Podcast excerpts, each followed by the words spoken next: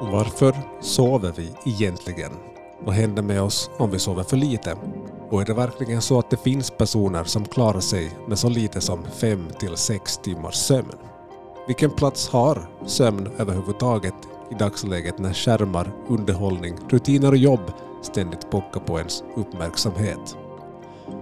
Du lyssnar på nyhetspodden Bakom rubrikerna som den här gången djupdyker ner i något som är så nödvändigt för att vi ska kunna leva, men som vi lätt bagatelliserar. Så försök att hålla dig vaken de kommande 20 minuterna då jag tillsammans med Jette Timgren på Folkhälsan pratar om just sömn.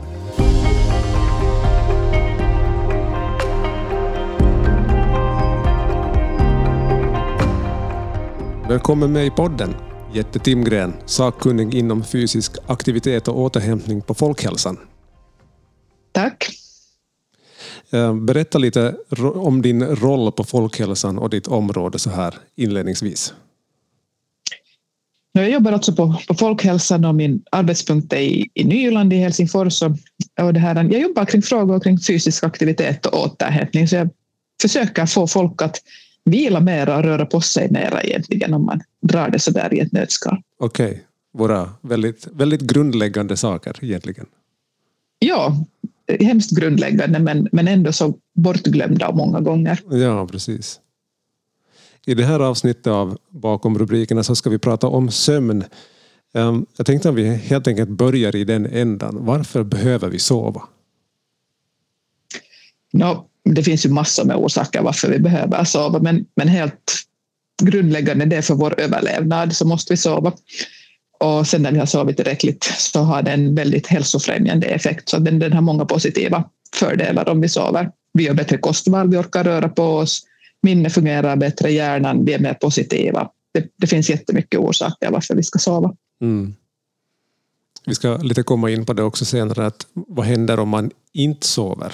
Och vad, vad händer om man inte sover tillräckligt enligt, enligt de rekommendationer som finns? Ehm, känner du till någonting om hur, liksom hur sömn har utvecklats över tid? Alltså sover vi lika mycket eller lika lite som man gjorde för till exempel hundra år sedan eller längre tillbaka i tiden? Vi sover faktiskt lite mindre än, än vad vi har gjort förut och det beror hemskt mycket på lamporna till exempel, att vi lägger inte oss då när vi är trötta utan vi prioriterar annat. Mm. När, när borde man gå och lägga sig? Finns det någon sån här biologisk eller någon, någon sån typ av förklaring att men, den här tiden är, skulle vara som bäst för oss? No, det är hemskt individuellt. En del är, är lite mer kvällsmänniskor och andra är lite mer morgonmänniskor. Men, men man har gjort sådana olika tester, till exempel att man har fört folk till ödemarken var det inte finns till exempel glödlampor. Och då lägger man sig ganska mycket enligt när det är ljust och när det är mörkt och, och så här. Så att det, är nog, det är nog där det bottnar. Att förut när det inte fanns lampor så kunde du inte jaga heller då, utan då, då vilade du istället. Mm, okay.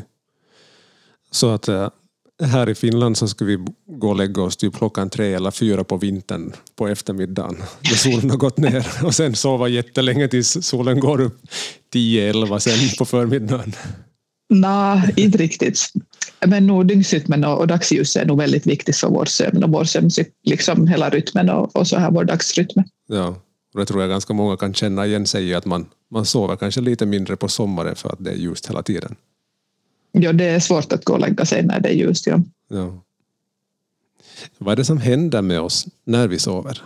Till exempel om vi är sjuka så kroppen läker allra bäst och barnen växer då när de sover. Så det är då liksom kroppen hinner ta igen sånt som inte den har tid med på dagen. Vår hjärna får vila och den får lagra och rensa information. Och eh, vår hjärna, vår kropp får vara fri från till exempel alla möjliga olika intryck som vi utsätts för hela dagen. Och sen hjärnan helt enkelt städas på natten. Så att det, det finns liksom utrymme sen för, för nya händelser nästa dag. Mm. Det är chans för, för hjärnan att lite nollställa sig. Exakt. Mm.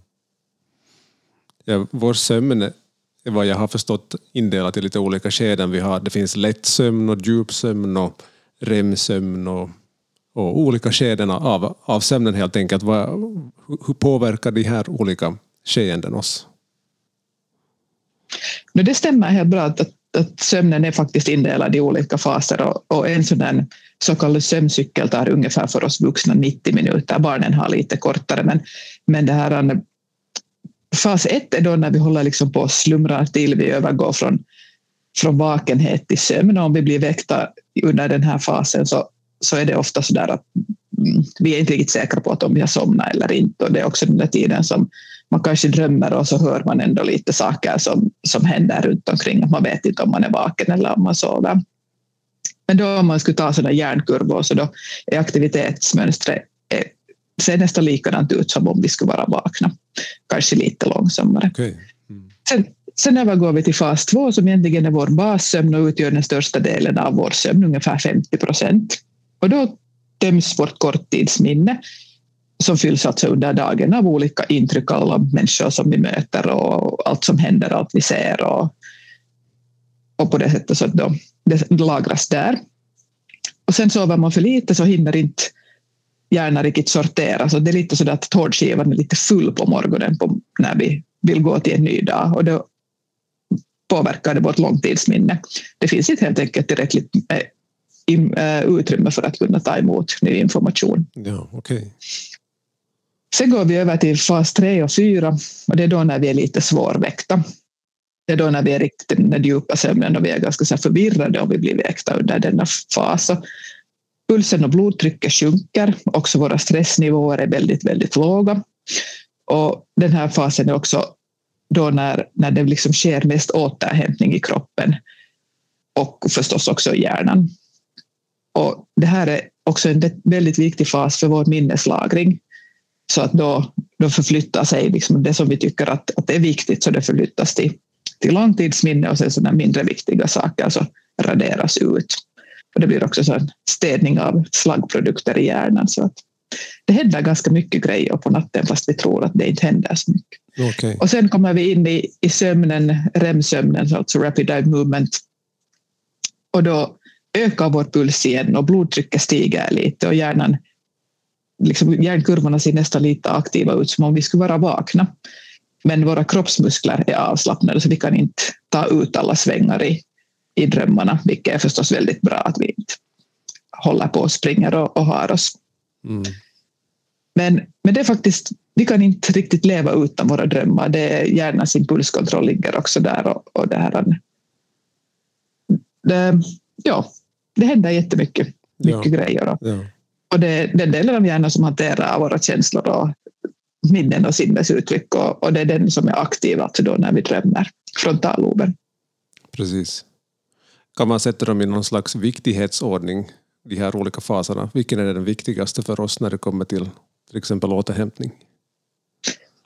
De är alla viktiga liksom på sitt eget sätt. Att, att på vissa ställen så då hanteras våra känslor och på vissa ställen så läks kroppen, men, men så där för överlevnadens skull så är den djupa sömnen förstås på det sättet viktig att det är då när kroppen läks och barnen växer och liksom att det, det är då när liksom fysiska grejer händer. Men, men man kan inte säga att vi, vi behöver dem alla. Precis, ja. Um, hur reagerar då vi, hur reagerar kroppen om vi sover dåligt eller om vi sover bra? Jag tänker kanske själv nu på säga att man är småbarnsförälder, man har barn utan, ja, alltså, om jag själv är i den situationen, att man har till exempel små, småbarn hemma, man, man väcks ganska många gånger under, under, under nattens gång. Eh, det då jämfört med att man sover en, en hel, hel natt utan att vakna på det viset. No, vår stubin brukar vara ganska mycket kortare om man inte har sovit helt tillräckligt, men impulskontrollen är inte kanske riktigt alltid lika, lika bra. Sen arbete, studier lider på det sättet att vårt minne, om inte det har hunnit liksom lagras och, och tömmas, vårt minne, vårt korttidsminne, så då, då är det lätt att vi glömmer saker och vi är kanske inte lika fokuserade. Uh, sen förstås vår psykiska hälsa, den lider lite för att vårt humör blir ofta sämre när vi är, vi är trötta och det påverkar ofta sociala förhållanden och och det här, sen gör vi dessutom sämre kostval när vi är trötta och när vi gör sämre kostval så mår vi oftast fysiskt också sämre om vi inte får tillräckligt. Och, och det här, hjärnan tror faktiskt att, den är, att man gör av med en massa energi om man är vaken på natten och sen försöker vi tanka åt den där energin sen följande dag. Så att man gjorde en studie var man hade väckt folk mitt i natten och andra kontrollgrupper fick sova ordentligt och så skulle de peka på sådana portioner, olika storlekar. Och de som hade blivit väckta flera gånger så gjorde valde portioner som var större och hade mera snabba kolhydrater och mera energi. Så att du ja. vet själv, choko är jättegott när man är trött. Ja, ja det är bara att gå till en själv och se vad man, vad man skulle välja i en sån situation. Ja, ja. Behovet av journalistik och nyheter är starkare än någonsin. Vi här på Vasabladet gör vårt bästa varje dag för att du ska kunna ta del av det som händer lokalt, regionalt, nationellt och internationellt. Att prenumerera på Vasabladet är det bästa sättet att stödja vårt arbete så att vi kan fortsätta bevaka händelser och skeenden i samhället. Vasabladets nyheter hittar du bland annat i Vasabladets nyhetsapp och på vasabladet.fi.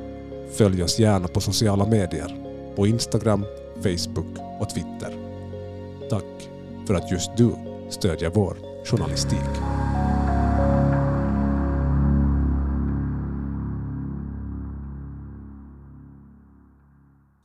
jag tror att de flesta av oss vet att, att sömn är viktigt eh, och att det är det som får oss att, att orka, orka en, en, en hel dag. Varför är sömn så viktigt för oss? Jag menar det, det är en sån pass, så pass självklar sak att vi vet att man ska sova men, men var, varför är det som, så viktigt för oss sen i slutändan? Det är helt enkelt nödvändigt för vår överlevnad att vi sover. Vår hjärna fungerar inte. Vi, kan, vi, liksom, vi, fun, vi slutar fungera om vi inte sover. Mm. Så det är, ja, förr eller senare somnar vi om vi inte, om vi inte strider emot det och till slut så vinner John Blund. Mm. Vad är det som, då, då som gör att, att äh, vårt sömnbehov kan variera så mycket att om man tänker att en, en nyfödd kan sova 14 till 17 timmar per dag men en vuxen 7 till 9 timmar och någon annan säger att man klarar sig med bara 6 timmar. Och, liksom, det finns så stora variationer i det där. Förstås väldigt individuellt men också under, under hela livet så varierar det. Ja, no, om vi tänker på en nyfödd så den växer ju massor. Den, det, liksom, det händer fysiskt jättemycket och, och som jag sa att under sömnen så till exempel växer kroppen. Så, och största delen av vår utveckling sker medan vi sover. Att det är då vi, vi får de där pusselbitarna att, att lägga sig. Att vi lär oss en massa nya saker och sen för att det ska faktiskt sitta så behöver vi sova. Uh, under tonåren, alltså då behöver faktiskt tonåringarna också ganska mycket sömn för det händer då också väldigt mycket. Många tar en växtspurt då. Det är mycket hormonella förändringar, det är mycket socialt som händer och det är det är, liksom, det är mycket som händer, så då behöver vi helt enkelt tid för att hinna processera alla de grejerna som, som händer under dagen, så då behöver vi sova. Sen är det också hemskt individuellt att hur vår sömnkvalitet är. Att en del sover jättemånga timmar men den där kvaliteten är inte så bra. Medan andra, om man nu kan säga att man sover effektivt, men, men det här den där sömnen, om den inte är återhämtande, om man inte kommer ner i varv och man sover väldigt ytligt, så då, då kan det hända att man försöker kompensera med flera timmar. Ja. Men det, är inte alltid, det går inte heller alltid ett i ett på det sättet. Nej, precis. Så det är individuellt. Det har man ju hört flera gånger, att, eh, att den där liksom, rekommendationen för hur mycket man ska sova, det varierar mellan sju till, till nio timmar ungefär som en vuxen. Vad, vad händer med oss om man under långa perioder sover mindre än, än det som är rekommenderat? No, det har hemskt mycket sådana fysiska... Vårt immunförsvar försämras om vi sover länge, eh, för lite långa tider. Det är inte någon fara om man sover dåligt några nätter, men om det blir liksom sådana långa perioder så då, då vi har också större risk för hjärt och kärlsjukdomar, vi har risk för typ 2 diabetes, vi har risk för cancer. Så det är ganska många sådana hälsofaktorer som, som den här risken att insjukna ökar om vi inte har tid att återhämta oss. Sen är det också förstås den där sömnen är inte bara det som, som vi ska tänka på utan också att få hela den där hela dygnsrytmen att vara så att man har också återhämtande pauser på dagen. att det har också en väldigt stor inverkan på, på vår nattsömn. Att har vi fått stressnivåerna att sjunka någon gång på dagen eller hela den där chocken sen på kvällen när man ska gå och lägga sig och då har man tid att börja fundera på allt som händer och har mm. hänt och alla to-do-listor. Du pratar om tonåringar här. Man läser väldigt ofta nu för tiden att, att många unga mår dåligt. Vet man om det finns någon slags koppling mellan psykisk ohälsa och för lite sömn? Finns det forskning på sånt?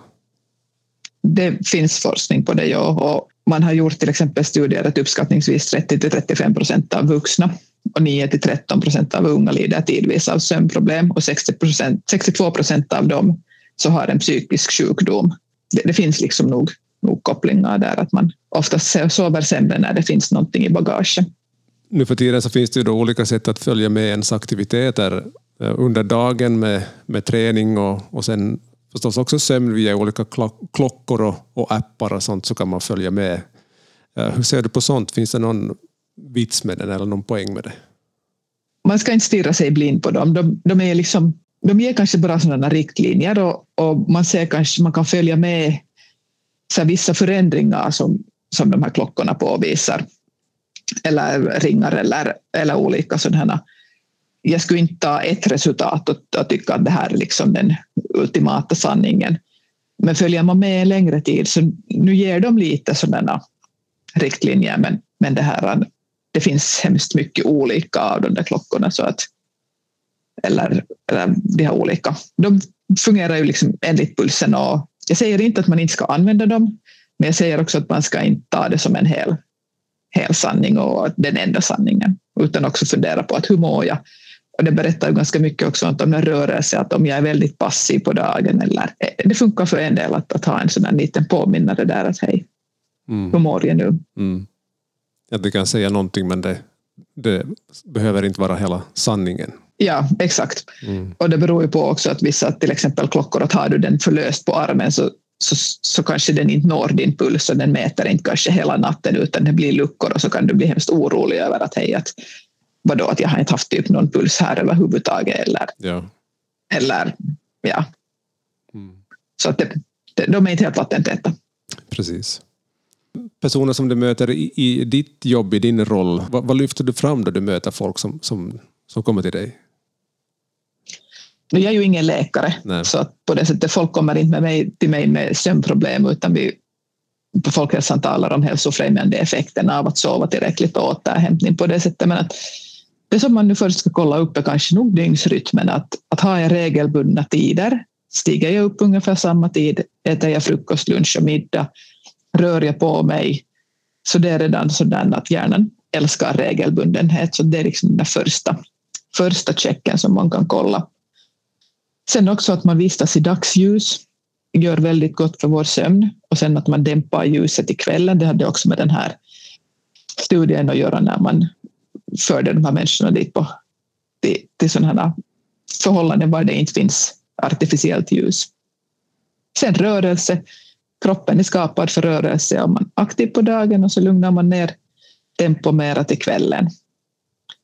Och sen det som jag sa tidigare, att, att avkopplande pauser också mitt på dagen, att man ska inte underskatta det att stress är bra, men om det aldrig kommer en återhämtande stund annat än på natten så, så kan de där stresstopparna bli ganska höga. Så att man ser till att man också får de där lugnare stunderna där på dagen för att det främjar också vår sömn. Sen naturen har en väldigt bra effekt för, för vår sömn också, att vi får lite den har en ganska avkopplande effekt. Vi blir, eller vi har inte så mycket intryck och, eller på det sättet sådana, det är inte något blinkande ljus i skogen och det är inte plötsliga ljud ofta utan det är sådana ganska harmoniska ljud som, som gör att våra stressnivåer sjunker. Ehm, um, Sen kosten har ju förstås en jättestor betydelse. Dricker vi kaffe sent på kvällen har det en betydelse. Många säger att jag kan somna ändå. Det gör säkert många, men den där sömnkvaliteten kan ändå lida av den där koffeinmängden. Digitala apparater förstås ska vi inte ha nära sovrummet och sängen utan inte stirra i blåljuset utan det blir ett som ett litet stoppmärke för melatoninproduktionen som kickar igång på kvällen som hjälper oss att sova. Det finns en hel checklista på våra sidor om man vill kolla att 13 okay. tips för bättre nattsömn. Hur ser du på det?